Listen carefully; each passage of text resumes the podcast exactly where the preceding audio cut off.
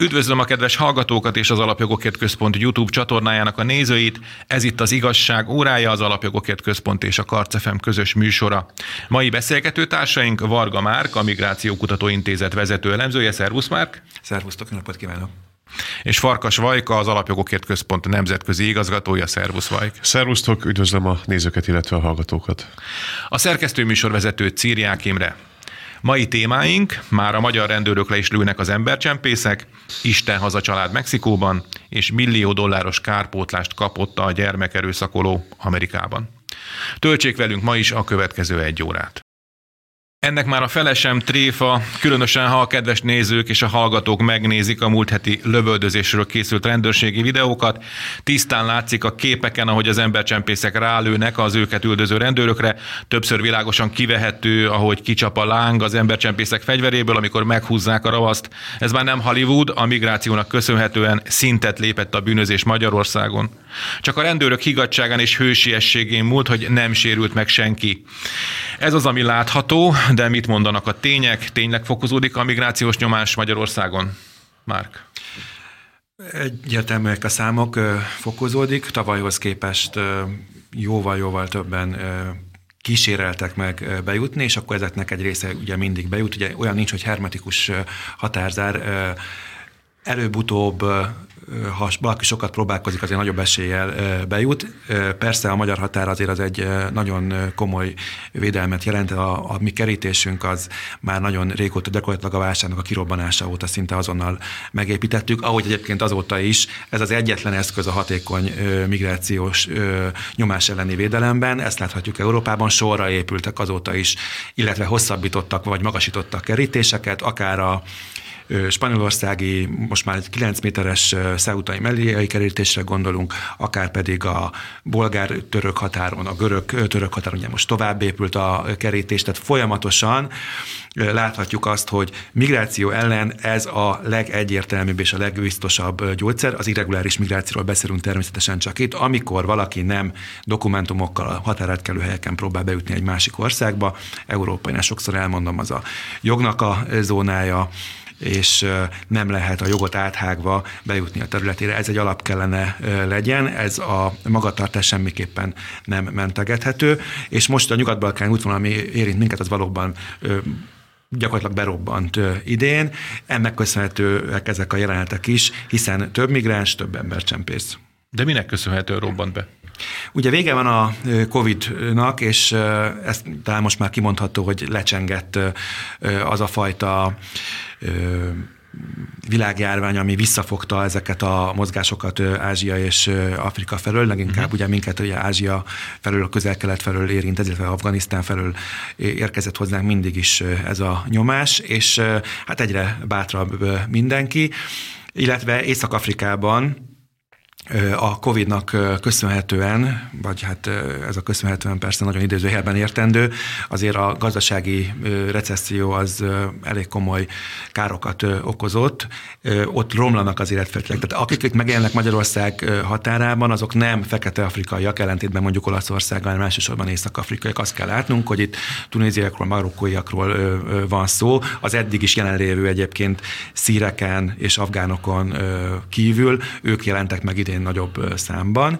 Ez pedig egyértelmű, hogy a fiatalok kilátásainak a romlásának köszönhető az, hogy ők itt megjelentek. Tehát nem például annak az éhénységnek, amiről sok szó van mostanában, az egy teljesen másfajta migráció, tehát egy régiós és egy Etiópia. kontinensen belüli migrációt eredményez, így van. Tehát aki éhes, szinte éhen hal, az nyilván nem fog ekkora utat megtenni. Aki viszont jobb életet keres magának, mert romlottak a feltételei minden tekintetben, akár a politikaiak az országában, akár a gazdaságiak, az könnyebben elindul, és ezek észak-afrikai államok. És lövöldözés eddig is volt, hogy hallottunk róla, de a határ túloldalán, Szerbiában ott különböző bandák támadtak egymásra, embercsempész bandák általában. Mm, te hogy látod, Vajk, hogy mi lesz ennek a vége? Nyilvánvalóan az, hogy egy ilyen illegális migrációs hullám tömegek jelennek meg valahol határokon, az magával vonja mindenféle e, típusú bűnözésnek a e, terjedését, illetve az erősödését. Tehát ennek lehetünk a e, tanúi itt is, a, a magyar-szerb határon és ez minden bizonyal csak erősödni fog, tehát hogy tehát, hogy ez ellen, ez ellen fel kell lépni, és hogyha megnézzük azért az egész migrációs válság leginkább 2015 után került be a fejekbe, azért az európai szinten nyilvánvalóan előtte is voltak már illegális migrációs mozgások, de akkor, akkor vált ez ez hangsúlyossá. Ugye először itt is ment a probléma tagadás, hogy ez valójában nem létező probléma, áll probléma, áll probléma. nem kell ezzel foglalkozni, e, stb. stb. Ismerjük ezt, a, e, ismerjük ezt a kommunikációs vonalat. Szerencsére azért e, jó pár embernek kicsit módosult a véleménye, mert tényleg olyan mértékű hullám jelent meg eh, Európában, amit, amit nem csak, hogy nem lehet tagadni, de azért ezzel találkozik a, a, a mindennapi ember is.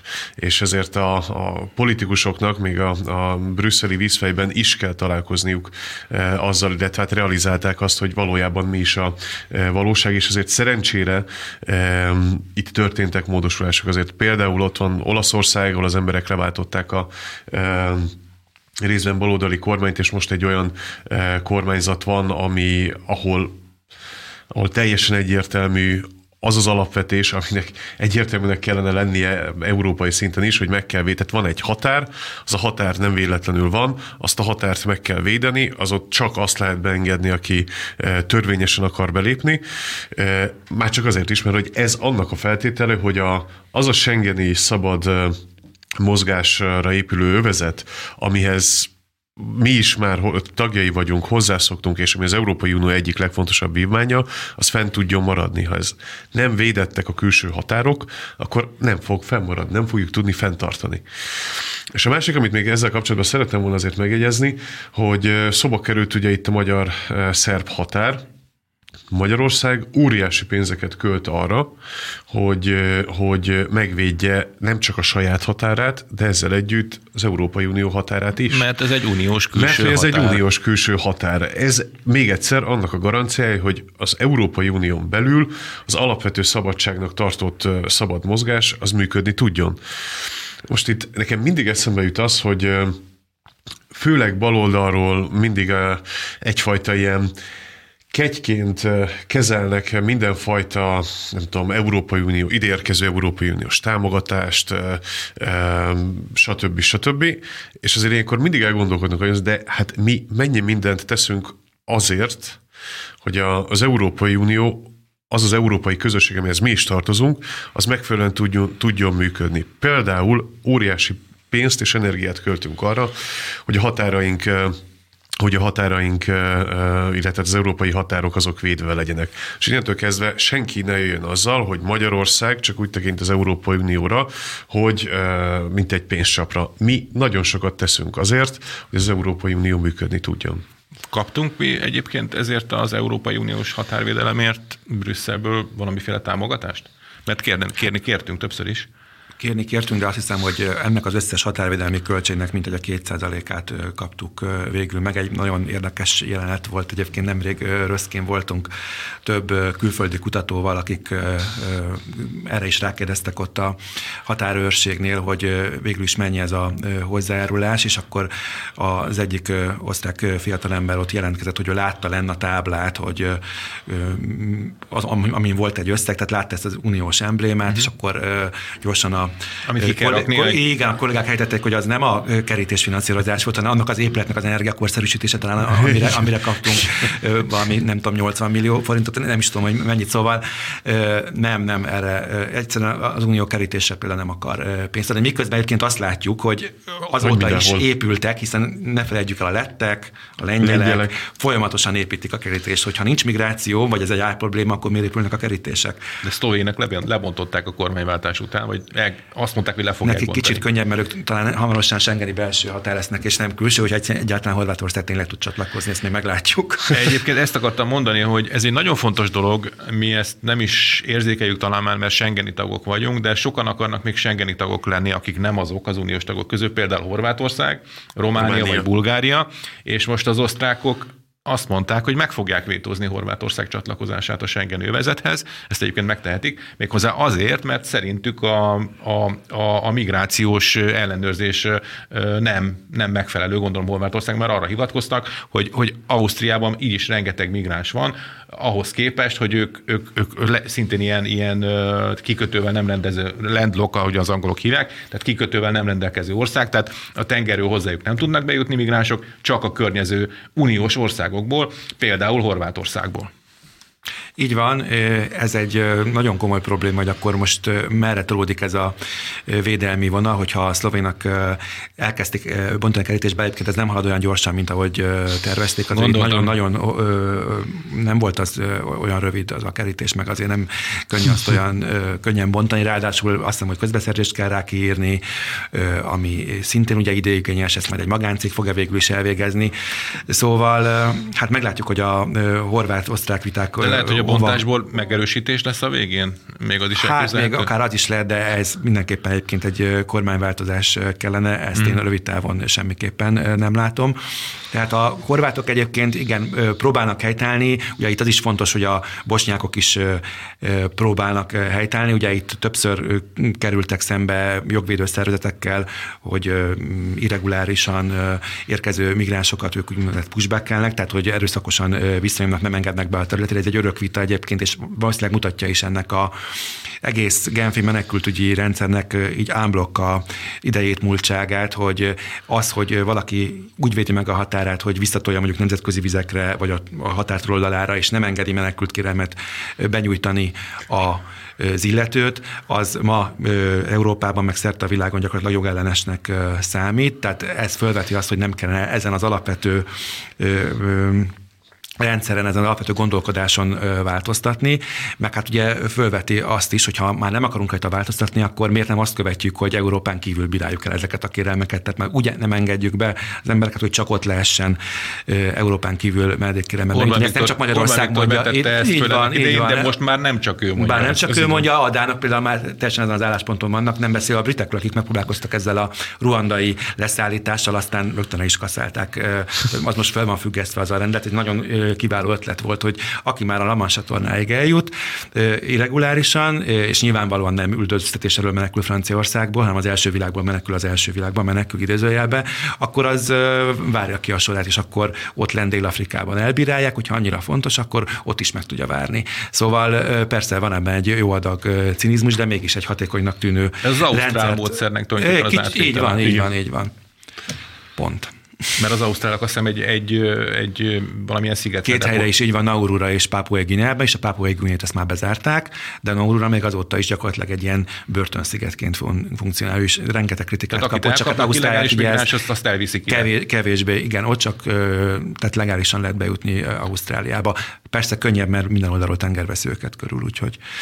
De akkor ezek szerint a tengert is meg lehet védeni. Hát nem lehetetlen, igen.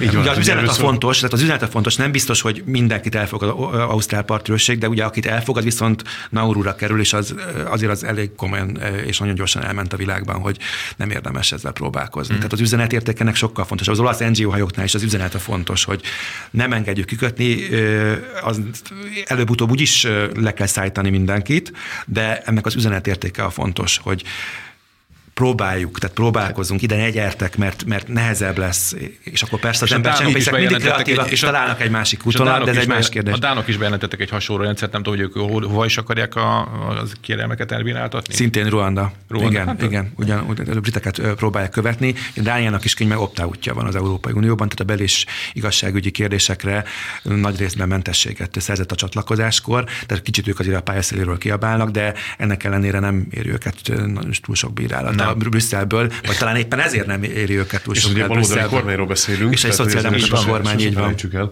Igen. Tehát, hogy ezért ebben is vagy. az egyik legfontosabb, hogy világos álláspontok és világos üzenetek legyenek. Szóba került itt a menekültügyi rendszernek a felülvizsgálata, meg egyébként azon túl például az Európai Uniók a menekültügyi eh, csomagja is, de ott is az, az lenne a legfontosabb, hogy legyen világos, világosan lefektetve a, eh, a szabályok. A határt meg kell védeni. A határ az nekünk jó, minket véd, megfelelően meg kell védeni. És azon csak az jöhet be, akinek joga van erre. És hogy amíg, amíg ez nem világos a teljes politikai spektrumnak, amíg, ez nem, amíg nem áll ki emellett a teljes politikai spektrum, az a baj, hogy eddig nagyon nehéz lesz megvédeni Európát, még egyszer az illegális, az illegális migrációs hullámtól. Múlt héten volt egy, egy hármas csúcs találkozó, Ausztria, Szerbia, Magyarország, és ott is a migráció volt, a, volt az egyik kiemelt kérdés, amelyet megtárgyaltak a, a miniszterelnökök, illetve az osztrák kancellár. Mi ennek a jelentősége? Hát a jelentősége az európai szempontból nagyon egyértelmű szerintem, ugyanis ez azt jelzi, hogy azok a megoldások, amiket a brüsszeli bürokrácia és így az Európai Bizottságra gondolok, nyilván az Európai Parlamentre ugyanígy erőltet gyakorlatilag, illetve hát próbálkozik, inkább így mondanám is erőlteti, próbálkozik 15 óta, emlékszünk ugye erre a Juncker bizottság féle kvótára, ami kimondhatjuk, hogy megbukott. Tehát nem is volt túl nagy számok, akiket át kellett volna venni, de aztán egyből mindenki Németországban és Skandinávia fele igyekezett, akárhova is tették át, úgymond ezzel a befogadási rendszerrel. Igen, Baltiána volt, aki szorgosan befogadta tényleg az összeset. Azt hiszem, hogy Litvániából, igen, igen, nem hiszem, akkor kaptak igen. házat is, mindent, aztán kiürült az egész, mert mindenki útra fölkerekedett. Néhány százalék és... maradt ott, a, a nagy része az, azonnal elindult nyugatra, így van. Szóval nem volt könnyű azért a bizottság bizottságnak, de úgy látjuk egyébként, hogy az új ötlet, tehát az új migrációs és menekültügyi paktum, amit a bizottság előkészített, ez rengeteg rendelet módosítást tartalmaz, még mindig nem tárgyalta sem a tanács, sem az Európai Parlament, de ugye 24 közepéig, ameddig ugye elindul az új ciklus, az uniós ciklus, ugye európai parlamenti választásokkal fog, és az új bizottságnak a megválasztásával fog elindulni, addig el szeretnék ezt fogadtatni. És ugye abban ugye azért azt látjuk, hogy akárhogy is rakjuk össze, ez kicsit olyan, mint hogy mindig tank lesz belőle, ugye ismerjük a viccet, mindig a kvóta jön ki. Most tényleg, tehát... Vagy mint Móric, alapvetően, mindenről ugyanaz jut az eszébe a két, bizottságnak. Igen, igen, nagyon érdekes, hogy két rendelet van benne, van egy, egy sima rendelet, egy vészhelyzeti, és ha ezt a kettőt így összeolvassuk, akkor azt láthatjuk, hogy azért nagy valószínűséggel, ahogy látjuk az idei számokból, a mediterrán országokban azért elég gyakran lesz vészhelyzet. Ez a nagyon rövid alatt nagyon sokan jönnek, ekkor van ugye vészhelyzet, és akkor már egyébként egyik tagállam sem választhatja a képességfejlesztést, magyarul például a határvédelemnek a fejlesztését, hanem vagy hazatoloncolást választ, abban segít, ami a vészhelyzeti rendeletben egyébként le is rövidül a, minden határidőre egyébként lerövidül a rendes rendelethez képest, de a lényeg az, hogy ha nem sikerül hazatoloncolni, amit azért láthattunk az elmúlt években, hogy ez egy nagyon nehéz dolog, hogyha már ben vannak, akkor ez a hazatoloncolás megszervezni, nagyon drága, repülővel történik, visszafogadja, van egy személyazonossága, tehát tényleg oda küldöm, ahonnan tényleg származik, ugye ez is egy órákat lehetne erről beszélni.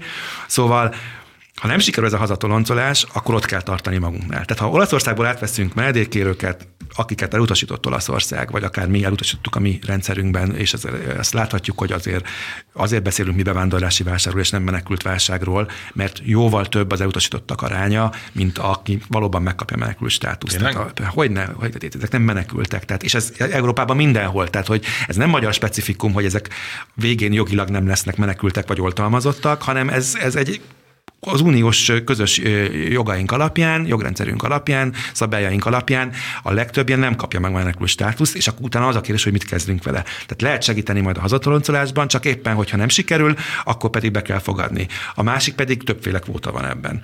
Tehát egyszerűen mindig valahogy itt kötünk ki a kvótánál, és ami a leglényegesebb, hogy pont ebben jelentett mondjuk a Dán politikai, a magyar politika újdonságot, hogy azt mondta, hogy mivel hogy úgyis a kvóta lesz a vége, próbáljuk már elbírálni Európán kívül.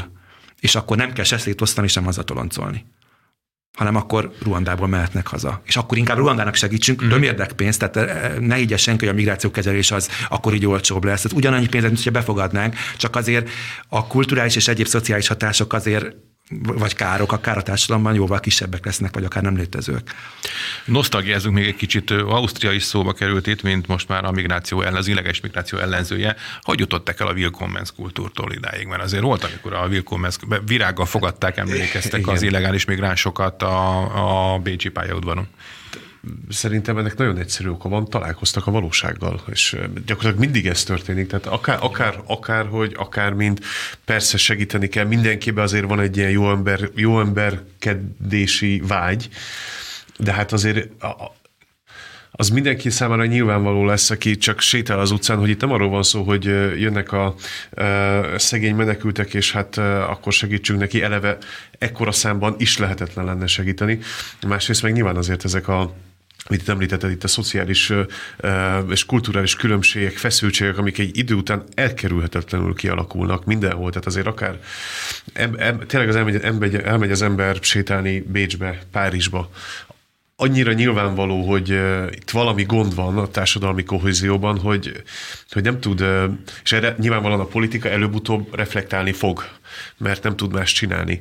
Szerintem ennek is köszönhető uh, az, hogy itt elég sok olyan ország van, illetve hát elég sok olyan politikai erő van és kormányzat van, amelyik azért módosította az álláspontján ebben a kérdésben, és azért azt látjuk, hogy az utóbbi 2015-höz képest elég sok politikai erő hát közeledik ahhoz az állásponthoz, amit a magyar miniszterelnök kezdetektől fogva a józanész alapján egyébként képviselt.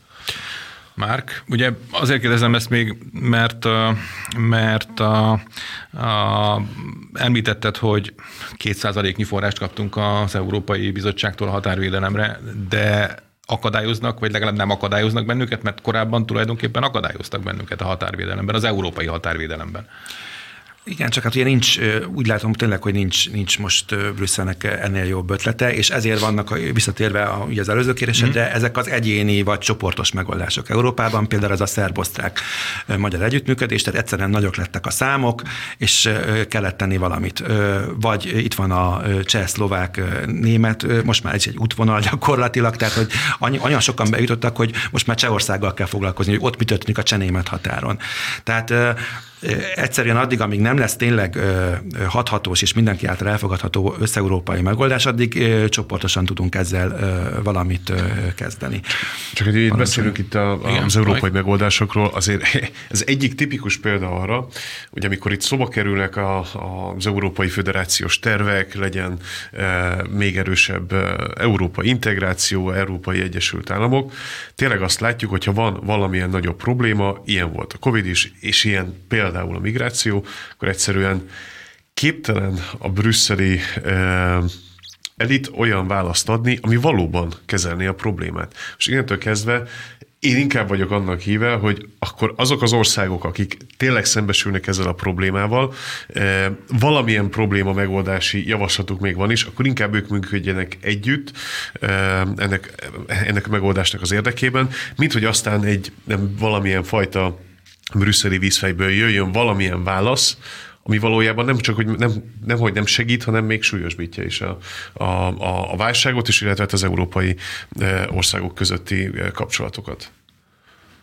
Hát valójában azért szerintem, mert az embernek most már tényleg az a benyomása, hogy a brüsszeli központot nem a válság megoldása érdekli, hanem az, hogy a saját hatásköreit minél inkább kitolja a tagállamok rovására, és mar- mar- maximálisan nem érdekli az, hogy mondjuk mi lesz a menekült válság, vagy a migráns válsággal, vagy a, a, a Covid válsággal, vagy most egyébként az ukránokkal, csak az érdekli, hogy minél inkább a saját beleszólási jogköreit a lehető legjobban kibővítse. Hát igen, és hát gyakorlatilag a kvóta is erről szólt, tehát ez jobban szólt arról, hogy a, a, a Brüsszel, illetve hát az uniós intézmények kiszélesítsék a, a hatáskörüket, mint arról, hogy valamilyen fajta problémát eh, kezeljenek. És az a baj, hogy itt, eh, ha, ha már itt, itt tartunk, akkor eh, lehet mindenféle összeesküvés elméletekről beszélni persze, és erre szokták mondani, vicces, hogy nem összeesküvés elméletek vannak, hanem összeesküvés gyakorlatok, és akkor megint eljutunk oda, hogy egyes brüsszeli vezetők, egyes bizottsági tagok, egyes európai parlamenti képviselők miért teszik azt, amit tesznek, és akkor azért csak eszünkbe jött a, a, az a, az a soros cikk, amit azért mindig szoktunk említeni, hogy igen, Európának legalább évente egy millió bevándorlóra van szüksége, és hogy, hogy nem, a brüsszeli megoldási javaslatok, azok mindig ebbe az irányba mennek. Szerintem tudnánk még erről a témáról beszélni, de fogy az időnk, úgyhogy szerintem menjünk tovább. Ez itt az igazság órája, a Karcefem és az Alapjogokért Központ közös műsora, és hamarosan visszajövünk. Ez itt az igazság órája, az Alapjogokért Központ és a Karcefem közös műsora Varga Márkal, a Migráció Kutató Intézet vezető elemzőjével, és Farkas Vajkal, az Alapjogokért Központ nemzetközi igazgatójával. Én Círiák Imre vagyok. Isten, haza, család, megismerhették a magyarok jelmondatát Mexikóban is, az Alapjogokért Központ jóvótából, ugyanis ott tartották az őszi nemzetközi találkozójukat, az őszi nemzetközi szípeket a konzervatívok. Magyarországot Gulyás Gergely miniszterelnökséget vezető miniszter és Szántó Miklós, az Alapjogokért Központ főigazgatója képviselte, mindketten beszédet mondtak a rendezvényen, de ott volt az Alapjogokért Központ nemzetközi igazgatója Farkas Vajk is, úgyhogy most a hallgatóink első kézből értesülhetnek arról, hogy mi is történt Mexikóban. Egy gyors kérdés az elején, melyik volt a jobb? A budapesti tavaszi szípek, amit részben ugye magyar részről ti rendeztetek, így van, így van, így vagy most a mexikói elfogulatlanul? Az a baj, nem tudok elfogulatlanul beszélni, mert nyilván sok munkák volt abban abba, abba, abba a tavaszi szípekben, és szerintem nagyon jól sikerült. És azért, hogyha most is itt találkoztunk barátokkal, ismerősökkel azért most is még mindig emlegetik, hogy azért ez egy nagyon jó szípek volt, és hát várják, hogy a, a központ megszervezze a jövő évit is, és hát dolgozunk is a Lesz a jövő évben is budapesti szípek? Rajta vagyunk, rajta vagyunk, uh-huh. úgyhogy, úgyhogy reméljük, hogy lesz. És hát azért a szípek Mexikóról annyit mondanék, hogy nyilván itt felvezetésként ez a szípek konzervatív politikai akció konferencia Amerikából származik, ott évente többször tartanak ilyen nagy konzervatív eh, politikai közéleti dzsemborit, eh, és az utóbbi jó pár évben a az amerikai szervezők elkezdték ezt így megnyitni a, a világnak, és ahova csak lehet tudják elvinni. Ugye van Brazíliában, Izraelben, most lesz majd Japánban, egy-két héten belül egy, egy újabb szípek és most tartottak először Mexikóban. Ennek az volt a, a, az egyik különleges, hogy az első olyan uh, szípek, amit spanyol nyelvű országban tartanak. Ugye, Nem Mexik- volt még idáig?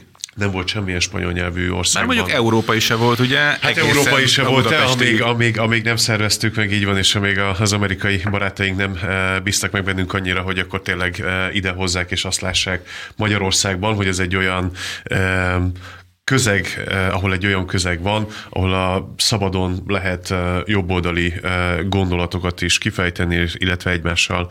Eh, Tehát ez egy bizalmi kérdés is? Ez egy bizalmi kérdés is, mindenképpen, hm. mindenképpen. És hát tényleg azért Magyarország eh, ebből a szempontból eh, tényleg azt hiszem, hogy ismerté vált most már a, a világszinten is a, a konzervatív, illetve a jobboldali gondolkodás szempontjából, és tényleg érdeklődnek irántunk. Hát az, hogy most itt ezen a mexikói szípeken, ami azért nyilvánvalóan inkább egy alapvetően latin-amerikai fókuszú ö, ö, szípek volt. Volt két magyar előadó, ráadásul két ö, ö, magas ö, ö, szintű előadó. Az azért azt jelzi, és most gondolkodom hogy hirtelen, hogy Európából még volt talán egy francia, meg volt egy, nyilvánvalóan volt egy spanyol előadó.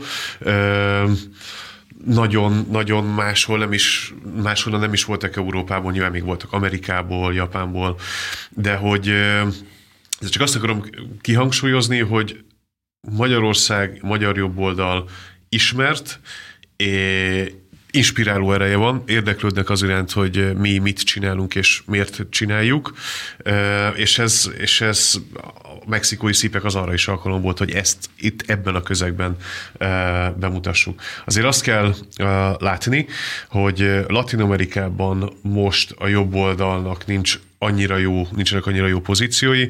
Ha megnézzük a latin-amerikai országokat. Most legutóbb ugye Brazíliában voltak választások, ahol ugyancsak kis különbséget, de mégiscsak baloldali elnöke lesz, és a legtöbb latin-amerikai országban ott most baloldali vezetés van.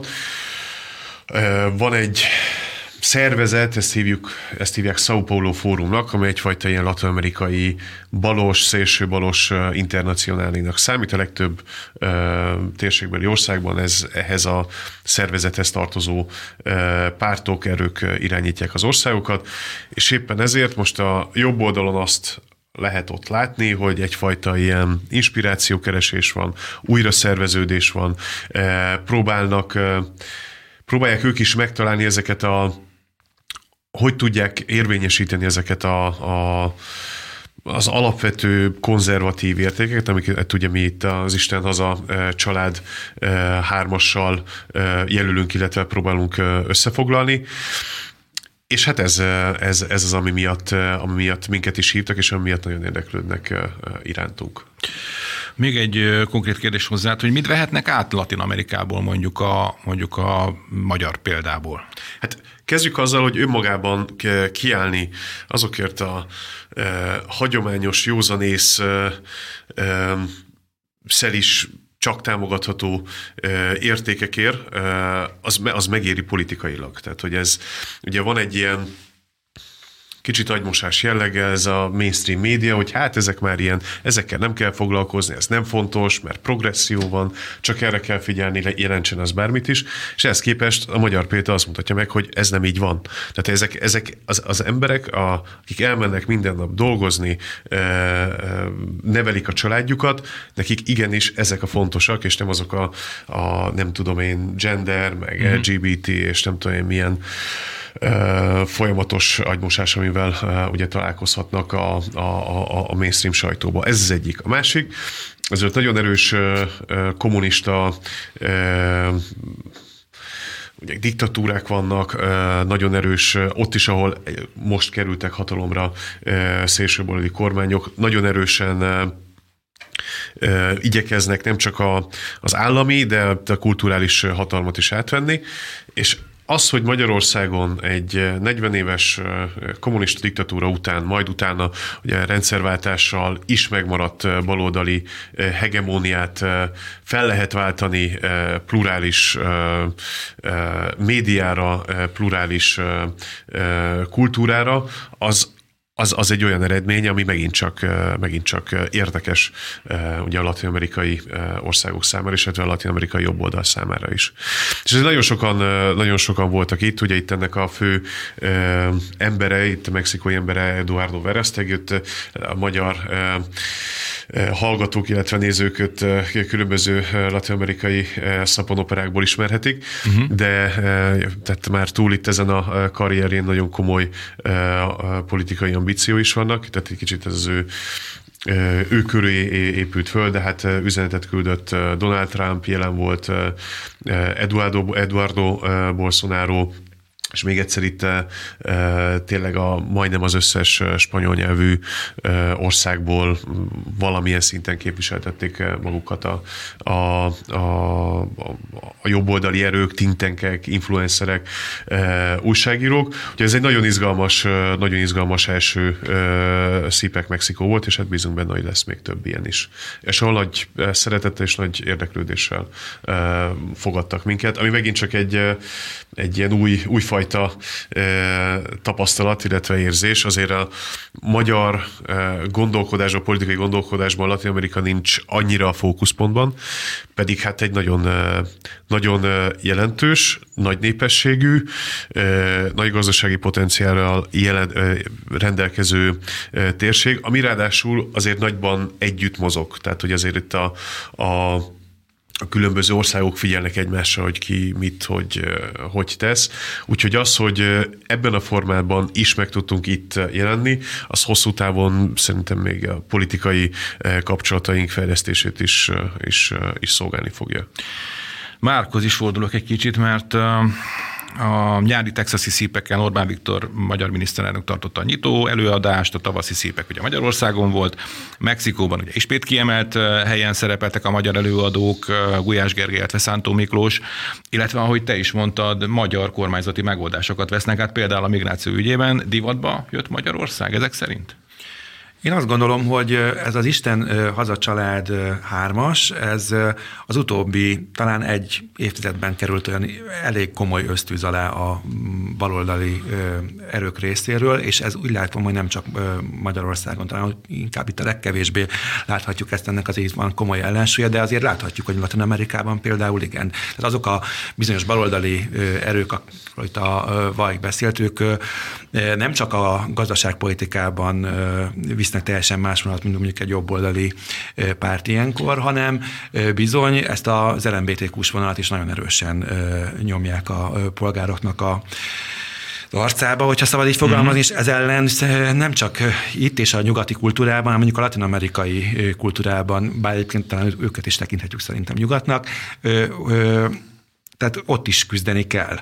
És ennek a szépeknek szerintem ez a jelentőség, hogy ezeket az előket, ennek a hármasnak a hármas jelszónak a örvén így összefogja, és folyik egyfajta eszmecsere most már világszerte, és ennek a legfontosabb küldetése, szerintem egy ilyen szépeknek azon kívül, hogy ugye megismerik egymást a felek, hogy a jó gyakorlatokat át lehet adni, és ebben valószínűleg Magyarország valóban ugye kipróbáltan élen járhat a jó gyakorlatoknak az átadásában külföldre. Tehát vannak olyan módszerek, amik igenis alkalmazhatók külföldön. Most vegyük például csak a gazdaságpolitikát mondom, hogy a Szelvéninek az egyik, a ligának most a elmúlt parlamenti választáson az egyik fő ígérete volt, ez a bizonyos 15%-os egységes személyi jövedelemadó. Uh-huh. Ugye Olaszországban ez előtte szinte tabu volt, annyira a több kulcsosra volt mindenki ráfókuszálva, tehát igenis lehet akár forradalmi magyar megoldásokat más kampányokban, más politikai közbeszédekben is használni. Uh-huh. Úgyhogy én azt gondolom, hogy igen, Magyarország lehet az egyik mintaadó, azért nem fogjuk megváltani a világot, de az eszmecserék erre szolgálnak, persze. És ezért azt se felejtsük el, hogyha megnézzük a baloldal működését, akkor egy ilyen, tényleg ilyen, hát, hát a klasszikus nemzetközi baloldalról beszélhetünk, koordináltan, egymásról tudva, hát óriási teljesen, Magyaror, NGO. teljesen más Magyarország képet nyomatnak. Tehát ez óriási, és egyre van. nagyobb a diszonancia a két Magyarország között, ez hála például annak, hogy, hogy sikerül az igazi képet terjeszteni az országról. Igen, és hát ugye pont ez is a célja az ilyen összejöveteleknek, hogy tehát az, hogy a, a baloldalak megvan ez a kialakított, nagyon masszív struktúrája nemzetközi szinten, ahol tényleg mindenki tudja, hogy mi a dolga, és hogy, hogy nem, eh, minden jobboldaliról, eh, minden eh, mainstream labban, televízióban pontosan ugyanazokat a jelzőket használják, pontosan ugyanazt mondják el, tényleg koordináltan, stb. stb. Most jobb oldalnak is van, van, van egy hasonló küldetés, hogy egy hasonló nemzetközi együttműködést létrehozzon. Nyilván Nyilván nem azzal a célral, mint a baloldal, hogy van egy általuk elfogadott igazság, és azt kell mindenhol mindenkinek képviselni, hanem pontosan hasonló, hasonló kihívásokkal kell megküzdenie minden országban a jobboldali erőknek. Nyilván minden ország megadja a saját kultúrájához, felfogásához hasonló válaszokat, vagy annak megfelelő válaszokat, de hogy meglegyen az a, az, a, az, a, az az összefogás, az a egymásról tudás, az a közös mozgás, fellépés, ami például az ilyen kihívásokkal szemben is fel tud lépni, mint amikor a, a, a nemzeti, családi identitásokat próbálják próbálják lebontani ezek a nemzetközi baloldali erők. Mit profitálhat az ország egy ilyen kapcsolatból?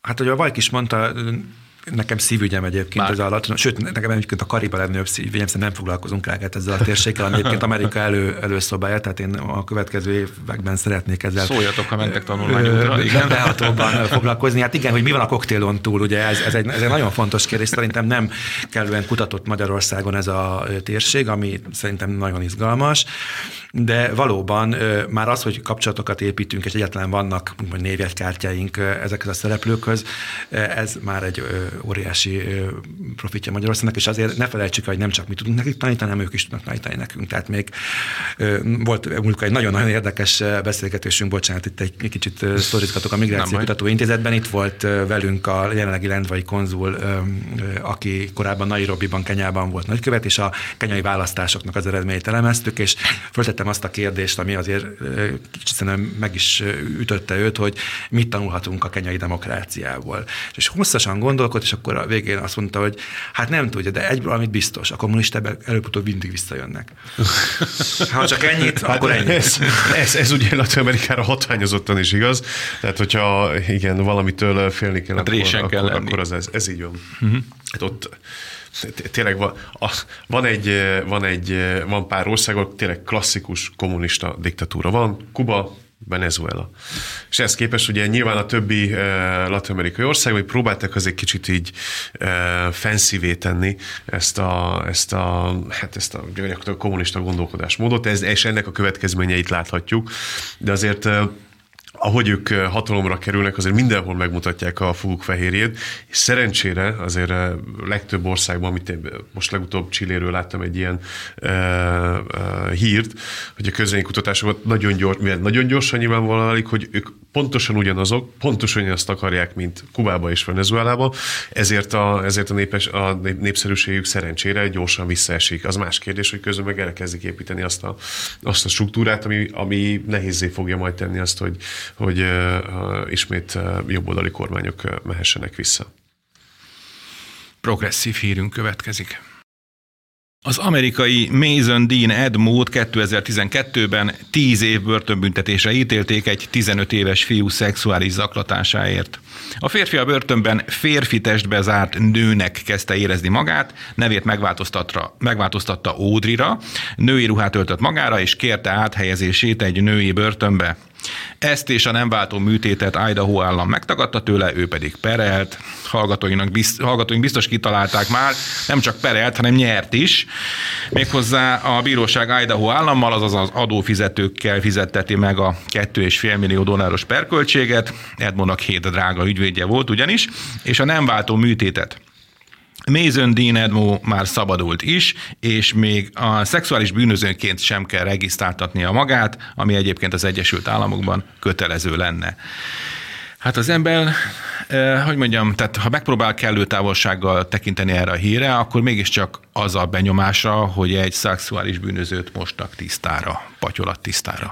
És az, hogy ezt nem lehet kellő távolsággal szemlélni. Tehát, mm-hmm. hogy ezt, ilyen híreket, amikor olvas az ember, akkor tényleg a, a az esze megáll, hogy, hogy ilyen történet. Hát, ha, ha, ha, valaki ebből a történetből pénzt érdemel, ez a szerencsétlen 15 éves fiú, akit, akit, akit szexuálisan zaklatott.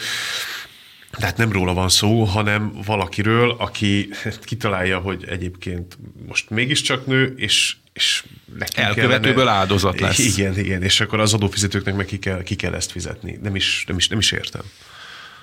Hát, egészen elképesztő nekem a hideg futkos ilyenkor mindig a hátamon, és csak cinikusan annyit tudnék megjegyezni, hogy San Francisco-ból kaptunk nemrég ugye egy hírt, ezt a bizonyos 130 genderből lehet választani, nem tudom, ti olvastátok-e, mm-hmm. hogy kapnak Már egy bizonyos... 130 van? Igen, 130 genderből lehet választani, de e- ezek között ilyen indián szellem vagyok típusú gender is volt egyébként, tehát miért nőnek vallotta magát, ő miért nem választott abból a maradék 128-ból egészen Már elképesztő. ez többe került volna, hogy az, az, azzal lelkicsek. Egészen elképesztő, és ami engem jogászként nagyon mélyen megdöbbent, hogy gyakorlatilag a bíróságok is beleálltak már ebbe, akár Nyugat-Európában, de leginkább az Egyesült Államokban, hogy egyszerűen ilyen ítéletek születtek. Mert azt, hogy egy ügyvédi csapat jól lehúz valakit pénzzel, és ilyen borzasztó agymenéseket kitalálnak, és azt próbálják bíróság előtt védeni, az egy dolog, ez talán világon mindenhol megtörténik, meg meg is történhet, ez a, ez a lényege a, a, a pereknek, hogy akár hülyeségekből is lehet pereket kreálni, de az, hogy a bíróság végül így döntsön, és ezt az adófizetők fizessék meg, nem egészen elképesztő. Nekem teljesen de, megdöbbentő. De, de, de meg hát ugye mire föl? Tehát, hogy azért, mert valaki börtönben van, és ott kitalálja, hogy ő most nő lesz, attól a büntetés végrehajtási intézetnek miért is kellene kifizetni azt, hogy ő az ő, az ő nemi átalakító műtétjét? Nem is értem. Nem is értem. Hát vagy akkor azt is kitalálhatná, hogy ő szabad ember a börtönben, és engedjék szabadon, és erre, erre, erre hivatkozva perelni a bíróságot, hogy ezt kikényszerítse. És a bíróság meg is ítélni, tehát ez egészen egyszerűen elképesztő. Csak, és ugye itt az előbb is beszéltünk már itt erről, hogy ez a Isten haza család, meg hagyományos értékek, meg, meg, meg a józanész józanész. Tehát, hogy ezért, ezért, ezért egyre népszerűbbek az ilyen szípek rendezvények is, meg ezért, ezért van szerintem egyre nagyobb támogatottsága az ilyen klasszikus jobboldali erőknek, mert amikor ilyenekkel találkozik az ember, már pedig minden héten, minden héten, amikor jövünk, van egy ilyen hír, és mindig találni valami olyan hétemre, csak azt tudjuk mondani, hogy tehát ezt, ezt már nem hisszük el, akkor az emberek azt, mondják, azt mondják nekik minimális józan eszem, hogy na ezt már ne. Uh-huh. Mert tényleg, tehát most két és fél millió dolláros izé, dollárt kell az ottani adófizetőknek erre az emberre költeni. Miért? De a szempontból milyen? szerintem egyébként jó, hogy a republikánus Már. párton belül azok az erők, akik ennek megállt akarnak parancsolni, és azt gondolom, hogy mind a Trump, mind a, a Ron DeSantis, akik szerintem a két legesélyesebb jelenleg a elnökjelölti pozícióra, ők azért ebből indulnak itt az Isten a család hármasának a védelméből, és már nem emléksz, elégszenek meg azzal a republikánus agendával, hogy elég az adókat csökkenteni. Ez egy nagy vízválasztó lesz a következő két évben a republikánusok, milyen irányba mennek, megelégszenek-e azzal, hogy a gazdaságra fókuszálnak, vagy tényleg az életmód kérdésekre ö, is ö, fókuszálnak, és így veszik fel a baloldalal a harcot, mert úgy tűnik, hogy valóban föl kell venni a baloldalal a harcot, és ez az egy jó példa arra, hogy mi történik Amerikában, és meg kell húzni szövetségi szinten ennek a határait. Tehát ilyen ítéletek egyszerűen nem születhetnek, akkor olyan jogszabályok kellnek szövetségi szinten, amik ezt lehetetlenné teszik. Hát tényleg abszurd. Tehát. Igen, és hát amikor itt a, hogy arról beszélünk, hogy magyar gyermekvédelmi törvény, és hogy mennyien kritizálták meg, hogy minek kell, megint csak A problémáról beszélünk, meg e, stb. Meg stb. Mindenki, ez, milyen aranyos. Igen. Igen, tehát ugyan, ugyan, ugyanitt tartunk, tehát hogy ebben a példában azt látjuk, hogy, hogy egy szexuális bűnöző, hogy tudta magát kimosni, és hogy aztán egyébként mentesüljön az alól, a következmények alól, ami egyébként a magyar törvényben is megvan, tehát hogy bár rákerül egy listára, és onnantól kezdve nem lehet őt foglalkoztatni semmilyen olyan e, intézménynél, ahol ugye gyere, gyerekekkel, vagy hát fiatalkorúakkal e, foglalkoznak. Most nem csak, hogy, nem csak ott kapott két és fél millió forintot adófizetői dollár, pénzből, dollár. bocsánat, bocsánat, dollárt adófizetői pénzből, hanem ugyanúgy gyerekek közelébe kerülhet. Úgyhogy szexuális bűnözőről beszélünk. Csodálatos.